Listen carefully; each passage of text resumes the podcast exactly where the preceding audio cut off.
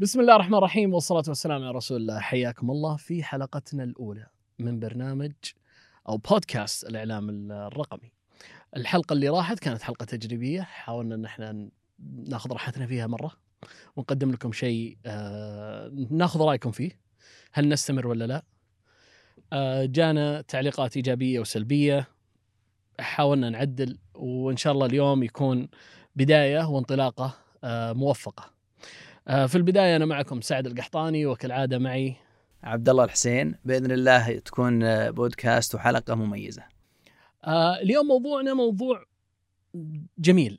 آه كثير منا نسمعه لما ندخل السينما. Immersive ميديا ما أدري وش آه عموما أنا اقتنعت إنها السماعات. شيء ثاني ما أدري. فاليوم جبنا اللي يعرف وش هالشغلات ذي وهو اللي متخصص فيها. فالمبدع عبد الله مغرم معانا اليوم. حياك الله. أهلا وسهلا حياكم الله. في البداية نبغى نعرفهم فيك يا عبد الله بعدها نبدأ نسولف عن ال immersive. تمام واللي سميتها أنت آه الغامر. إيه. تمام.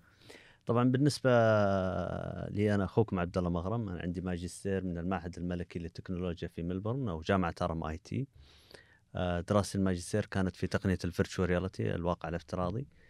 أخرجت عدد من الافلام ال VR في المملكة وخارج المملكة يعني. ما شاء الله. ما شاء الله. جميل. طيب آه، إذا جينا ندخل يعني آه، بشكل مباشر للمواضيع اللي راح نتناولناها. عبد الله وش اللي خلاه يكون هذا الشيء هو الشغف والاهتمام؟ طبعا هذا بدأ خلال تواجدي في ملبورن في أستراليا. فجربت نظارة واقع افتراضي. وأعجبتني. هذه النقطة الأولى والمهمة. فبدأت يعني أبحث أكثر في التقنية. إيش التقنية هذه؟ كيف ممكن الواحد ينتج محتوى فيه؟ يوم بدينا دراسه كانوا أغلب زملائي يشتغلون على إخراج الأفلام الوثائقية. فما كنت أبغى أتخرج وأصير زي ملايين المخرجين الموجودين حول العالم فقلت لا خليني أشتغل على ال VR وكنت أول شخص يتخرج VR من جامعة تي ما شاء الله. ممتاز. جميل. ال VR طبعا ال VR طبعا كثير من الأخوان يسمع بال VR ما يعرف الفرق بين أو ما يعرف وش هو ال VR بعضهم. اللي هو virtual reality الواقع الافتراضي. وبرضو عندنا مصطلحين آخرين اللي هو augmented reality mixed reality واليوم نبغى نعرف وش هو الواقع المعزز الواقع سميتوه المدمج أو الواقع المختلط. اي ف نتعرف عليها عشان ندخل بعدين تمام. على التفاصيل تمام. طبعا بالنسبة للتقنيات الثلاث الواقع الافتراضي والواقع المعزز والواقع المختلط هذه ضمن جيل جديد أو نمط جديد من الإعلام يسمونه الإعلام الغامر أو الإميرسيف ميديا. الفكرة الرئيسية في الإعلام الغامر إنه الشخص يشعر عندما يشاهد المحتوى إنه موجود في المكان اللي يشاهده فيه. بمعنى آخر انه يكون منغمس فيه بحيث إنه يعني ينتقل الشخص من مرحلة أو ينتقل العالم من مرحلة مشاهدة المحتوى إلى الإحساس بالمحتوى. يعني باختصار جديد جدا هو كيف نجعل الشخص يشعر بالمحتوى. فهذه نقطة تحول كبيرة. عندما نتكلم عن الفارق, الفارق بين التقنيات الثلاثة يجي الواقع الافتراضي في مقدمتها في موضوع الاميرسيف أو الشعور الغامر. لأن الشخص يكون لابس نظارة الواقع الافتراضي وبالتالي يكون سراوندد محاط 360 درجة في المحتوى وهذا يخلي العقل يكون مقتنع اقتناع كامل بتواجده في البيئة الافتراضية. صح. هذه هذه نقطة تحول كبيرة حتى على مستوى صناعة المحتوى. صحيح. ممكن. كانت تجارب الناس آه، ممتعة فيها أول ما بدأ. صحيح. ومضحكة. صحيح. يعني تشوف اللي يطيح وهو من وقفته وهو قاعد يتفرج في مشهد أو قاعد عايش مثلا حركة الرول كوستر هذا القطار تلاقيه فجأة طاح ما عاد قدر يوقف من الرعب وال... طبعا هذا هذا يعطينا مؤشر كبير جدا على إلى أي درجة التقنية هذه مؤثرة. هي للأسف إلى اليوم تستخدم بشكل كبير على مستوى الرعب على مستوى الأشياء هذه لكن هي كتقنية لا هي مؤثرة بشكل كبير. ويوجد عدد كبير من التجارب الناجحة. يعني حتى نقول إنه والله تقنية الواقع الافتراضي أو الإعلام الغامر مؤثر لازم نشوف طريقة إنه نشوف الإمباكت حقه والتأثير حقتها تأثيرها بلغة الأرقام. يعني لما نيجي نشوف على سبيل المثال تجربة الأمم المتحدة، الأمم المتحدة انتجوا فيلم واقع افتراضي يحكي معاناة اللاجئين السوريين في عام 2015 صوروا فيلم في آر في مخيم الزعتري وبعدين عرضوه على صناع القرار في دافوس في منتدى دافوس الاقتصادي وحصلوا على 3.8 مليار دولار 40% أعلى من المبلغ اللي كانوا هم متوقعينه. هذا يعطينا مؤشر واضح لأنه يعني جهة بحجم الأمم المتحدة بكل تأكيد تعرف كم الرقم اللي يعني ممكن مستهدفينه يعني. تجربة ثانية اللي هي تجربة charity: water هذه منظمة غير ربحية موجودة في نيويورك. آه، سووا فيلم VR. طبعا هي متخصصة في إنتاج المياه الصالحة في إيصال المياه الصالحة للشرب في الدول النامية. نعم. عملوا على قصة فيلم VR لطفلة أثيوبية. لا تستطيع الذهاب للمدرسة وتقطع أميال علشان لتوفير مياه غير صالحة للشرب. سووا فيلم حول قصتها. وبعدين فرحة سكان القرية عندما شاهدوا مياه من البئر لأول مرة. عرضوا الفيلم في متحف متروبوليتان في نيويورك بحضور 400 شخص وحصلوا على 2 مليار دولار قرابة 2 مليار دولار في ليلة واحدة ك donation. هذه هذه مؤشرات واضحة إلى التقنية وإلى أهميتها والتأثير اللي ممكن يعني تستخدم. طبعا إحنا تحدثنا بس بشكل مختصر على مستوى مثلا الأعمال التطوعية أو الأعمال الخيرية. لكن لما نيجي نتكلم على مستوى الإعلام بشكل كبير لا. في تجارب في وسائل إعلام استخدمتها New York Times استخدمتها CNN وغيرها كثير. والمستقبل وجهة نظري راح يكون باتجاه الإعلام الغامر لأنه لأنه تحول كبير في صناعة المحتوى. على طاري ال ال الأفلام. أنا كان لي تجربة مع فيلم أظن اللي أنتجوه اللي هم National Geographic إنك تكون على قارب وقاعد يمشي مع في أظن في أفريقيا وتشوف الحيوانات والأهالي القرية وال... فعايش أنت الجو كله في الاوكولس عايش الجو إنك قاعد تمشي فعلا أنت في هذا القرش تشوف القارب تحت والموية والكائنات الموجودة في الماء. يعني تجربة رهيبة جدا. ففعلا تجربة لما تقول لي إنهم اشتغلوا على مثلا الفيلم حق المخيم الزعتري لما يعرض على ال ال ال الأشخاص المستهدفين يشعرك بالتجربة بجميع يعني ما في إلا يمكن بس الإحساس مثلا بالبرد أو بالجوع أو بالهذا هو اللي يكون مفقود غيرها إنه فعلا يعني بيعيش والعقل بيقتنع إنه فعلا أنا جالس في هذا المكان هذه اللحظة. صحيح بس في سالفة الجوع أو يعني النقاط اللي تحدثت فيها ال VR قادر على إنه يوفرها. يعني لا ياكلون في في تساؤل مهم عندي. يعني إحنا في أكثر من محور راح نتكلم فيها اليوم لكن ليش النظارة؟ طبعا هذا هذا تساؤل مهم. آه أنت ال- الفكرة الرئيسية من النظارة إنه الشخص نفسه يعزل من المكان اللي يكون موجود فيه ويكون متواجد في البيئة الافتراضية. فأنت لما يكون عندك نظارة فالنظارة هي تعزله بمعنى إنه ما يكون في حتى أي مسام للضوء داخل النظارة وبالتالي يكون هو يشوف الدنيا فقط في 360 درجة اللي يشاهدها هذا يخليه يقتنع مو هو يقتنع العقل يقتنع بتواجده في المكان هذا. فلذلك إذا عندنا نظارة إحنا عندنا VR وعندنا إحنا immersive media إذا ما عندنا نظارة ما عندنا VR النقطة الثانية وهي الأهم جودة النظارة هي تفرق في درجة الشعور الغامر. يعني لما نيجي نتكلم على Google Cardboard هذه اللي بدولار أو ب 2 دولار أه. ولما نيجي نتكلم كرتون الكرتوني ولما نيجي نتكلم على ال ال ال ال النظارات هذه اللي ب 20 ريال أو حواليها البلاستيك بلاستيك. هذه هذه ال- هذا. ولما نيجي نتكلم على نظارات مثلا زي ال Oculus ولا زي الاتش تي سي 5 الهاي اند هذه لا الشعور يكون مختلف. مختلف ممتاز. طيب الشيء الثاني اللي هو موضوع ارتباط هذه التقنية أو استخدام الإعلام الغامر في الوسائل الثانية في ال- اللي هو ال artificial intelligence وال internet of things أو ال- ال- الذكاء الاصطناعي وانترنت الأشياء. طبعا هذه يعني إحنا لما من دخلتنا على ال immersive media على الإعلام الغامر إحنا نتكلم على تقنيات حديثة حتى يكون في ترابط بينها.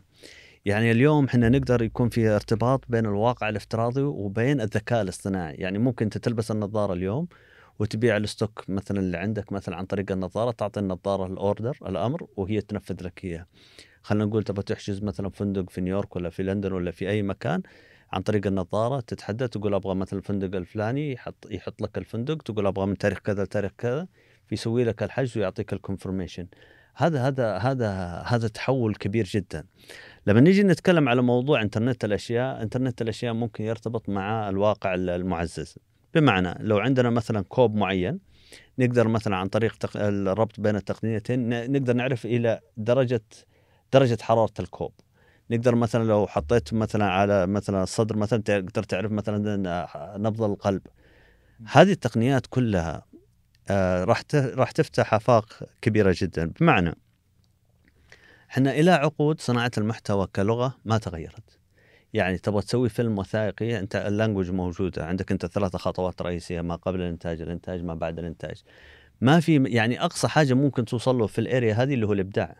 إنك تبدع مثلا اللقطة تكون أفضل يكون الفكرة أفضل ال story أفضل إلى آخره. لكن لما نيجي نتكلم من دخولنا للعالم الافتراضي على الواقع الافتراضي فإحنا نتكلم على الابتكار. الابتكار الرقمي نحن نتكلم على إنه أي شخص يكون قادر على ابتكار نمط جديد لأن اللغة أصلا ما موجودة النقطة الثانية على مستوى الحواس إحنا نقدر نوظف حتى الحواس حاسة اللمس في المحتوى حاسة الشم وحاسة التذوق بمعنى إنه نستطيع إلى درجة نوظف الحواس الخمس بيجي واحد يتساءل يقول طيب ليش ليش نوظف الحواس الخمس؟ إحنا نوظف الحواس الخمس حتى يكون في تأثير أكبر، يعني الواقع الافتراضي بحد ذاته تأثيره عالي جدا بحاستين اللي هو السمع والبصر، لكن لما نوظف الحواس الثلاثة الباقية لا هذا هذا هذا هذا يعني تحول مختلف جدا. نعم. صحيح لأنه ال ال أنا أنا شفت تجارب مع شركات عقارية عندهم مشاريع آه، عقارية فخصوصا على مشاريع البيع الخارطة نعم. وما شابه يعطيك جولة افتراضية في الحي في في البيت. آه، تشوفه تقدر تشوف الحي كيف بيكون شكله. وانت تسوق بالسيارة فيجلسك على كرسي ويعطيك الجولة حقت السيارة وتتفرج وكيف الشوارع. تدخل جوا البيت تشوف البيت كيف كيف تنظيمه كيف تقسيم البيوت. يعطيك يعطيك إحساس كامل بالحي قبل ما يبدأ ال ال ال البناء. فأنت تشتري وأنت عارف already أنت بكرة لما تخلص الفيلا بتاخذها أنت عارف كيف كيف بيكون شكلها وكيف بتكون التجربة كاملة داخل الحي. ف عفوا ال virtual reality أو ال الواقع الافتراضي أعطى مساحة رائعة جدا وكبيرة للإبداع في مجالات كثيرة. لو أتكلم عن الفيديوهات مثلا آه، أول ما طلع الفيديو ال 360 هذا في الفيسبوك استخدموه ناس كثير في التسويق وفي في في آه، بناء محتوى تفاعلي مع الجمهور. آه، انتبه للجزئية المعينة انتبه للوضع المعين. فكان مثلا يصورك يصور لك مشهد وخلال هذا المشهد تكون في هات سبوتس معينة في الفيديو بحيث إنك تنتقل من من نقطة لنقطة تصير تصير قاعد تتحرك في الفيديو حتى لو انت فاتتك الفيديو ينبهك عليها. فصاروا الناس يتفاعلون مع المحتوى بشكل كبير. فخلقت نوع من المحتوى اللي يثير تفاعل الناس بس ما شفت فيه الصراحة استثمار كبير من من الشركات خصوصا عندنا.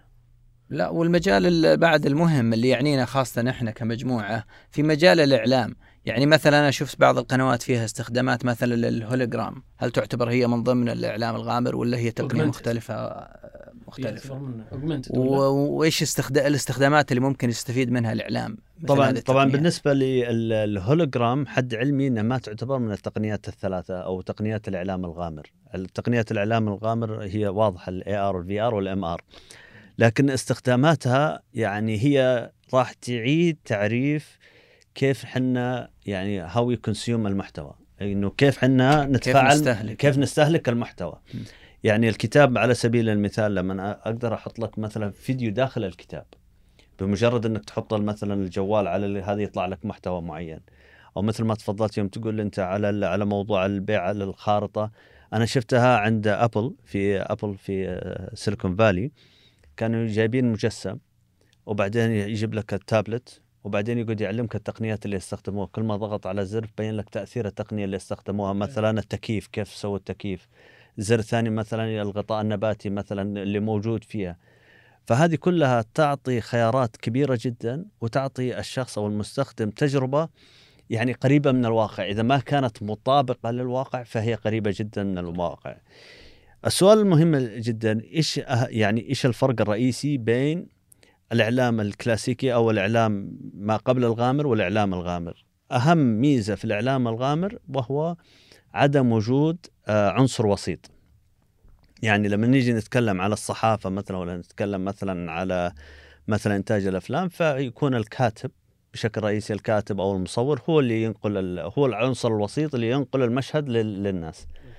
لكن في تقنية الواقع الافتراضي على سبيل المثال ما في عنصر وسيط. الشخص من يلبس النظارة فهو يختار الجزء اللي هو يصبح أصلا جزء من المشهد ويقدر يتفرج في 360 درجة.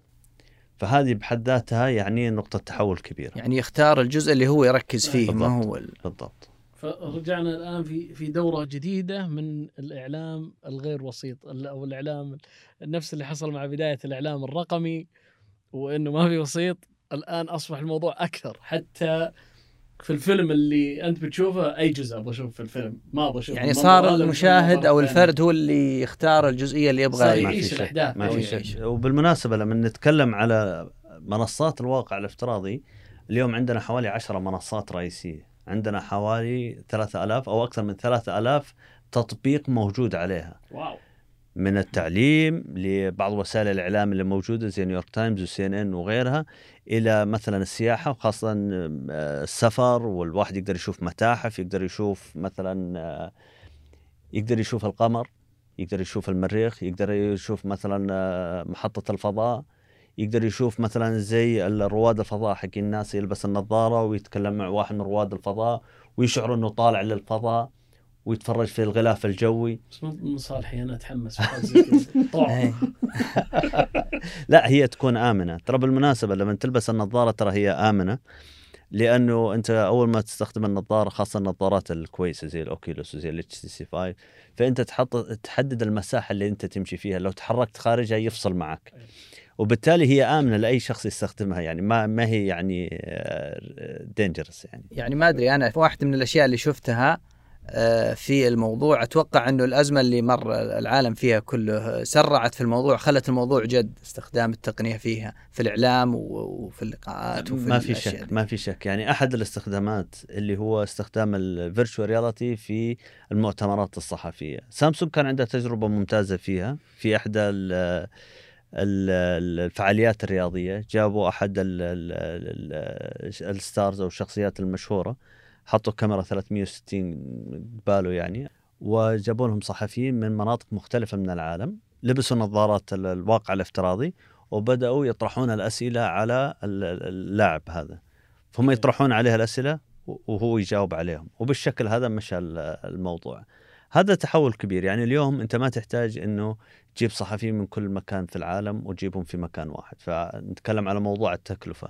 صح. نتكلم على إنه بعض المؤتمرات الصحفية أصلا طبيعتها تكون أحيانا تكون عاجلة بالتالي ما عندك وقت أنت حتى تخطط لها فال VR بيكون solution مرة ممتاز إنه إنه حتى الصحفيين يشعرون بتواجدهم قدام الشخص ويقدرون يطرحون الأسئلة وهذا الفرق كبير بين إنه لما يكون في مثلا شاشات وبين لما تشعر إنه أنت موجود قدام الشخص وتطرح عليه الأسئلة. بالضبط في في تقنية أتوقع بتكون لها من سامسونج آه هذه من الأشياء اللي تطلع فيها ال gimmicks هذه اللي تطلع فيها سامسونج الأشياء اللي ما حد بيستخدمها بس إنها موجودة عرفت؟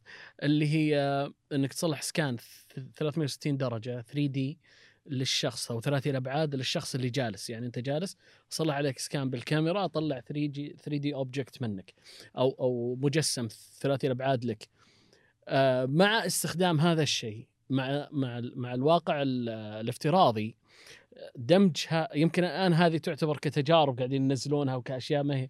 بس مع الوقت تصير خلاص أنت تصلح آه، مسح ثلاثي الابعاد لشخصيتك. وتصير تحضر المؤتمر وتلتفت. هذا عبد الله جالس جنبي قاعد أشوفه. هذا هذا عبد الله مرة ثانية. عبد الله عبد الله. هذا عبد الله الثاني آه، قاعد أشوفهم قدامي وفعلا هم ما هم موجودين. وأنا عايش الجو إن إحنا جالسين جنب بعض. فترى هذا واقع افتراضي. ترى ما إحنا جنب بعض.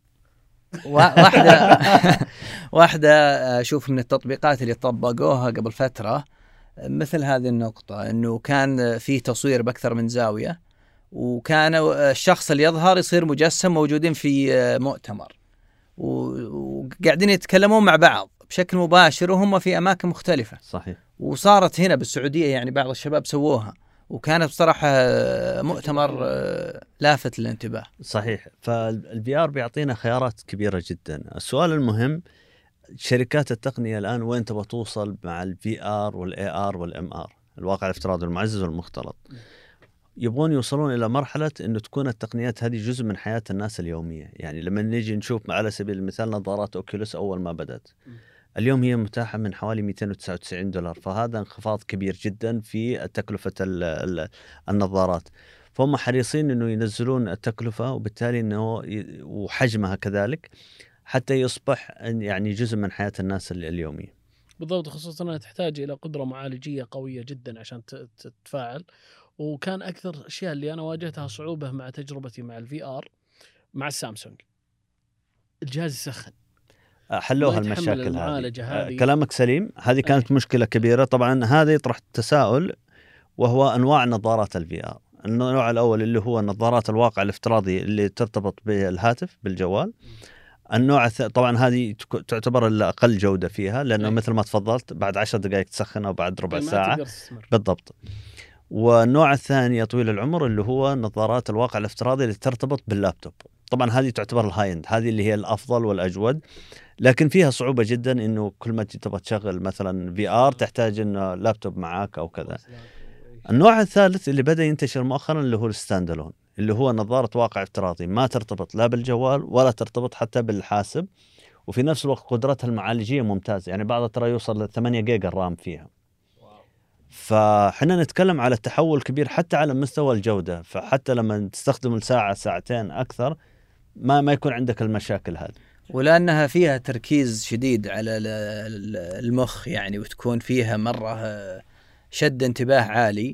أكيد إنه فيه لها آثار جانبية طبعا أشياء آه، يحذر منها. صحيح. هي طبعا حتى على مستوى الأطفال يعني في الكثير ينصح إنه من سن 13 المرأة الحامل مثلا ما تستخدم مثلا ال VR اللي عندهم مثلا زي الضغط اللي عندهم زي السكر بعض الأمراض المزمنة قد إنه ما يكون ال VR خيار مناسب لهم لأنه مجهد بشكل كبير للعقل يعني. وفي نفس الوقت بعض التجارب ما تكون مناسبة لهم يعني. يعني ما هي لعبة الفكرة اللي بنبغى نوصلها الجهاز هذا ما هو للعب فقط هو فيه استخدامات كبيرة طبعا المفترض يناظر له منظور يعني جدي. ما في شك. طبعا أشهر الاستخدامات اللي هو في مجال الطب وفي مجال التدريب العسكري وكذلك في مستوى الألعاب لكن استخداماته كبيرة جدا. يعني نشوف الآن في جهات الآن قاعدة تحاول تدخل ال VR في المدارس بحيث إنه مثلا خلينا نقول مثلا رحلة علمية.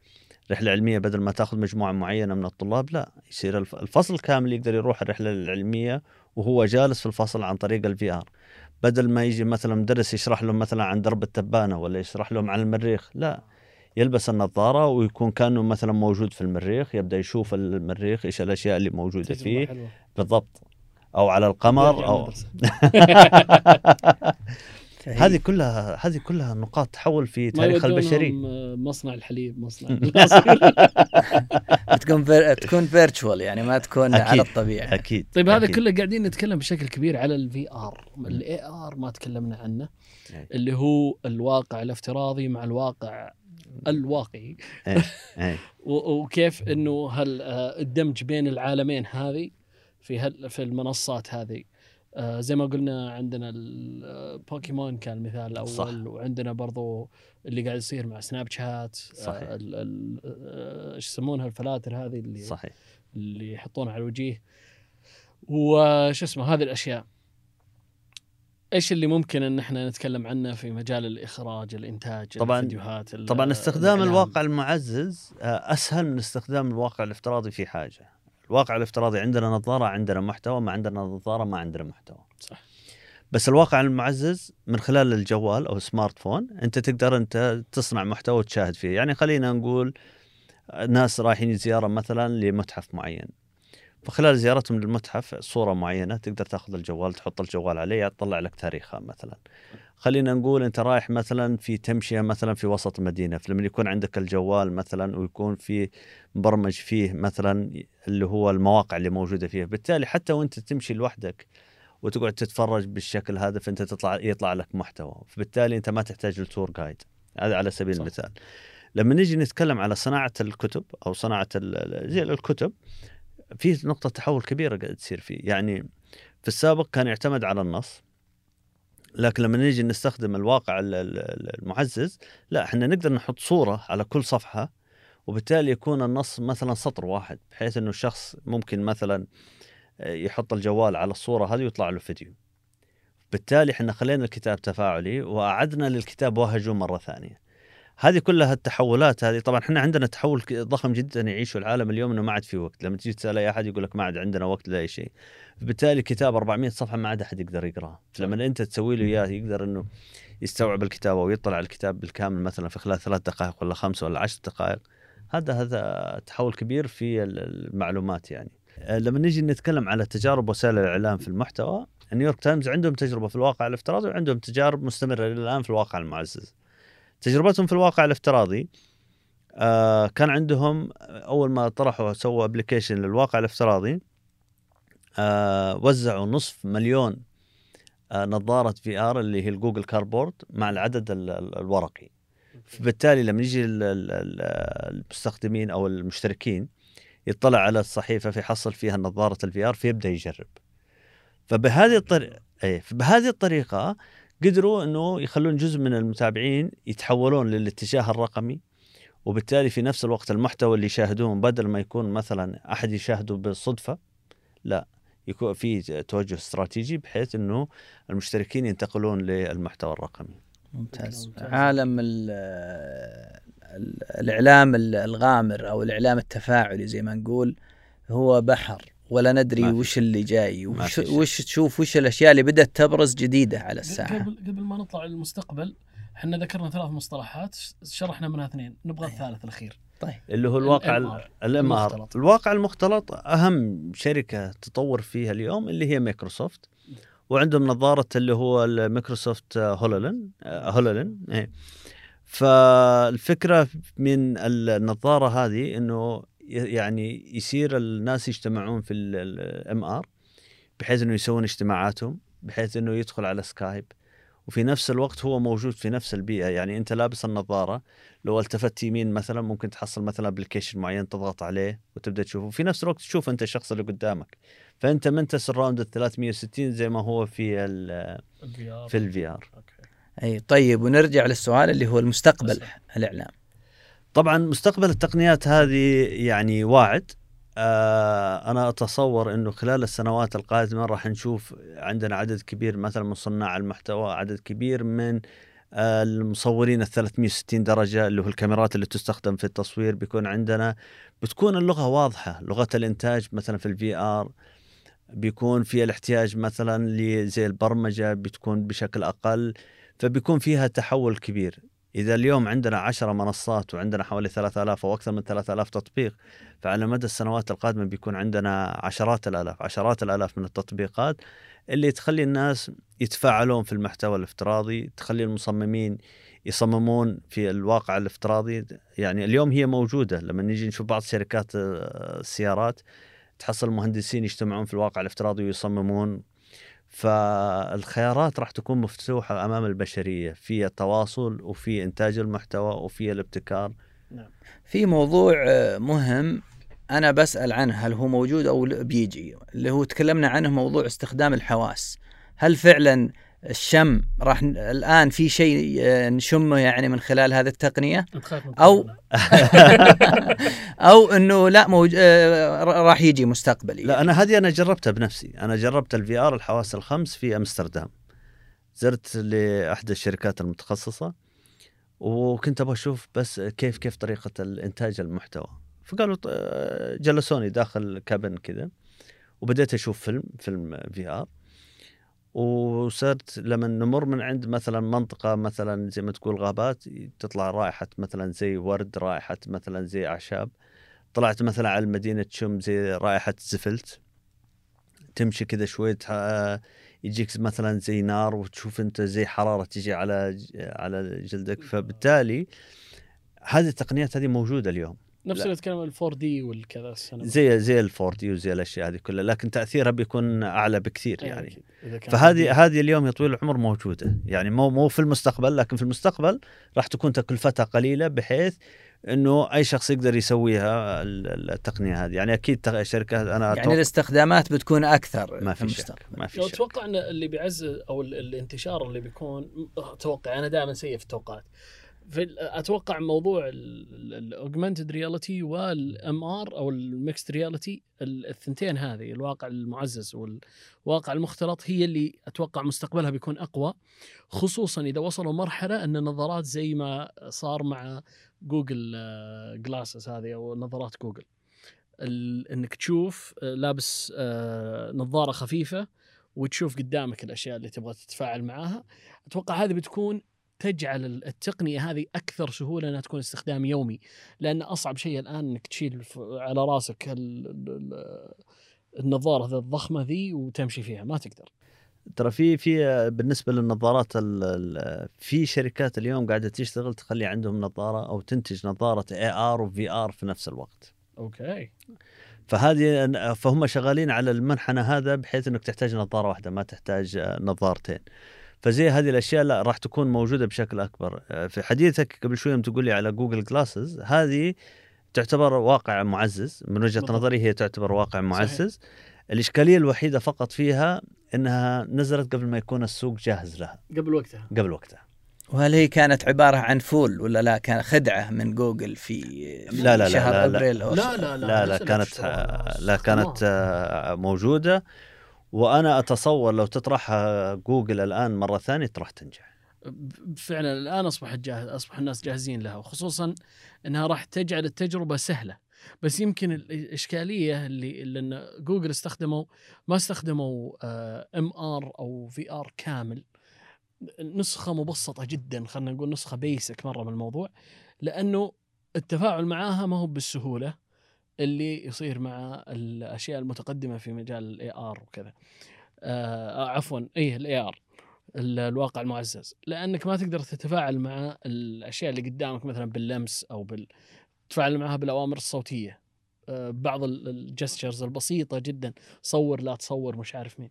لكن إذا أصبحت التقنية هذه بأكثر تقدما وصرت فعلا قاعد أمشي ولابس النظارة وقاعد أقدر أصلح مهام مهام يعني مهام ثقيلة. مش مجرد إني أشوف ال calendar أو أشوف من دق علي أو كذا. دخلت conference في ال conference هذا. أتوقع إن هذه كانت موجودة في جوجل دخلت conference في ال conference هذا في ناس okay أنا أعرفه بس ماني متذكر هذا مين. مباشرة يطلع لي على وجهه يطلع لي فلان فلاني أعرف هذا الشخص من وين من أو يطلع من الكونتاكت حقتي يعلمني هذا الشخص وين قابلته وكيف قابلته. بحيث إنه أعرف كيف أتواصل معاه من جديد. فهذه هذه من الأشياء اللي ممكن تكون في الحياة اليومية وشيء جميل لو لو أصبح جزء من مع إن الخصوصية هنا راحت. أي هذه مشكلة هذه. بالمناسبة يعني وحنا نتحدث عن الواقع المعزز اليوم تقدر تستخدم الترجمة من خلال الواقع المعزز. بمعنى بمعنى إنه تحط مثلا يكون عندك نص بلغه معينة تحط الكاميرا حقت الجوال عليه يعطيك الترجمة حقته. يعني حتى لما يعني هي قاعدة تدخل تدريجيا الواقع المعزز مثل ما تفضلت الواقع والام ار قاعد يدخل تدريجيا في حياتنا اليومية بس إحنا ما إحنا حاسين فيه. بس في لحظة معينة لا بت بت يعني بتكون بشكل أوضح يعني. أنقذني هذا الترجمة آه، في اليابان إنه كل الدنيا مكتوبة ما في دخلت 7 11 وكل شيء مكتوب بال بالياباني. إيه. أنا أنا جاي ومخي مبرمج أنتبه من الخنزير. فما قدرت أقرأ أي شيء ماخذ الجوال وقاعد أمر على المنتجات. تخيل في ال- السوبر ماركت وجوالك شغال قاعد تصور تشوف هذه الترجمة. أهم شيء مو مكتوب خنزير. كويس يوكل. أستاذ عبد الله الموضوع أو موضوع الإعلام الغامر شيق واستمتعنا في هذه الجلسة. وأتوقع أن الموضوع يحتاج أكثر من حلقة لأن فيه تعمق وفيه أشياء مهمة جدا آه، قاعدين نشهدها في الوقت الحالي. بصراحة إحنا آه، سعيدين جدا بهذا اللقاء السريع ونشكر آه، الأخ عبد الله على هذه الأمسية البسيطة وإن شاء الله تعدنا. بالجايات ت- تكون في موضوع شيق آخر في هذا المجال. بإذن الله برك الساعات وشكرا على الاستضافة حياك الله شرفتنا وشكرا أيضا لأستوديو صوت على رعايتهم لهذه الحلقة ونراكم بإذن الله في حلقة جديدة وموضوع جديد شيق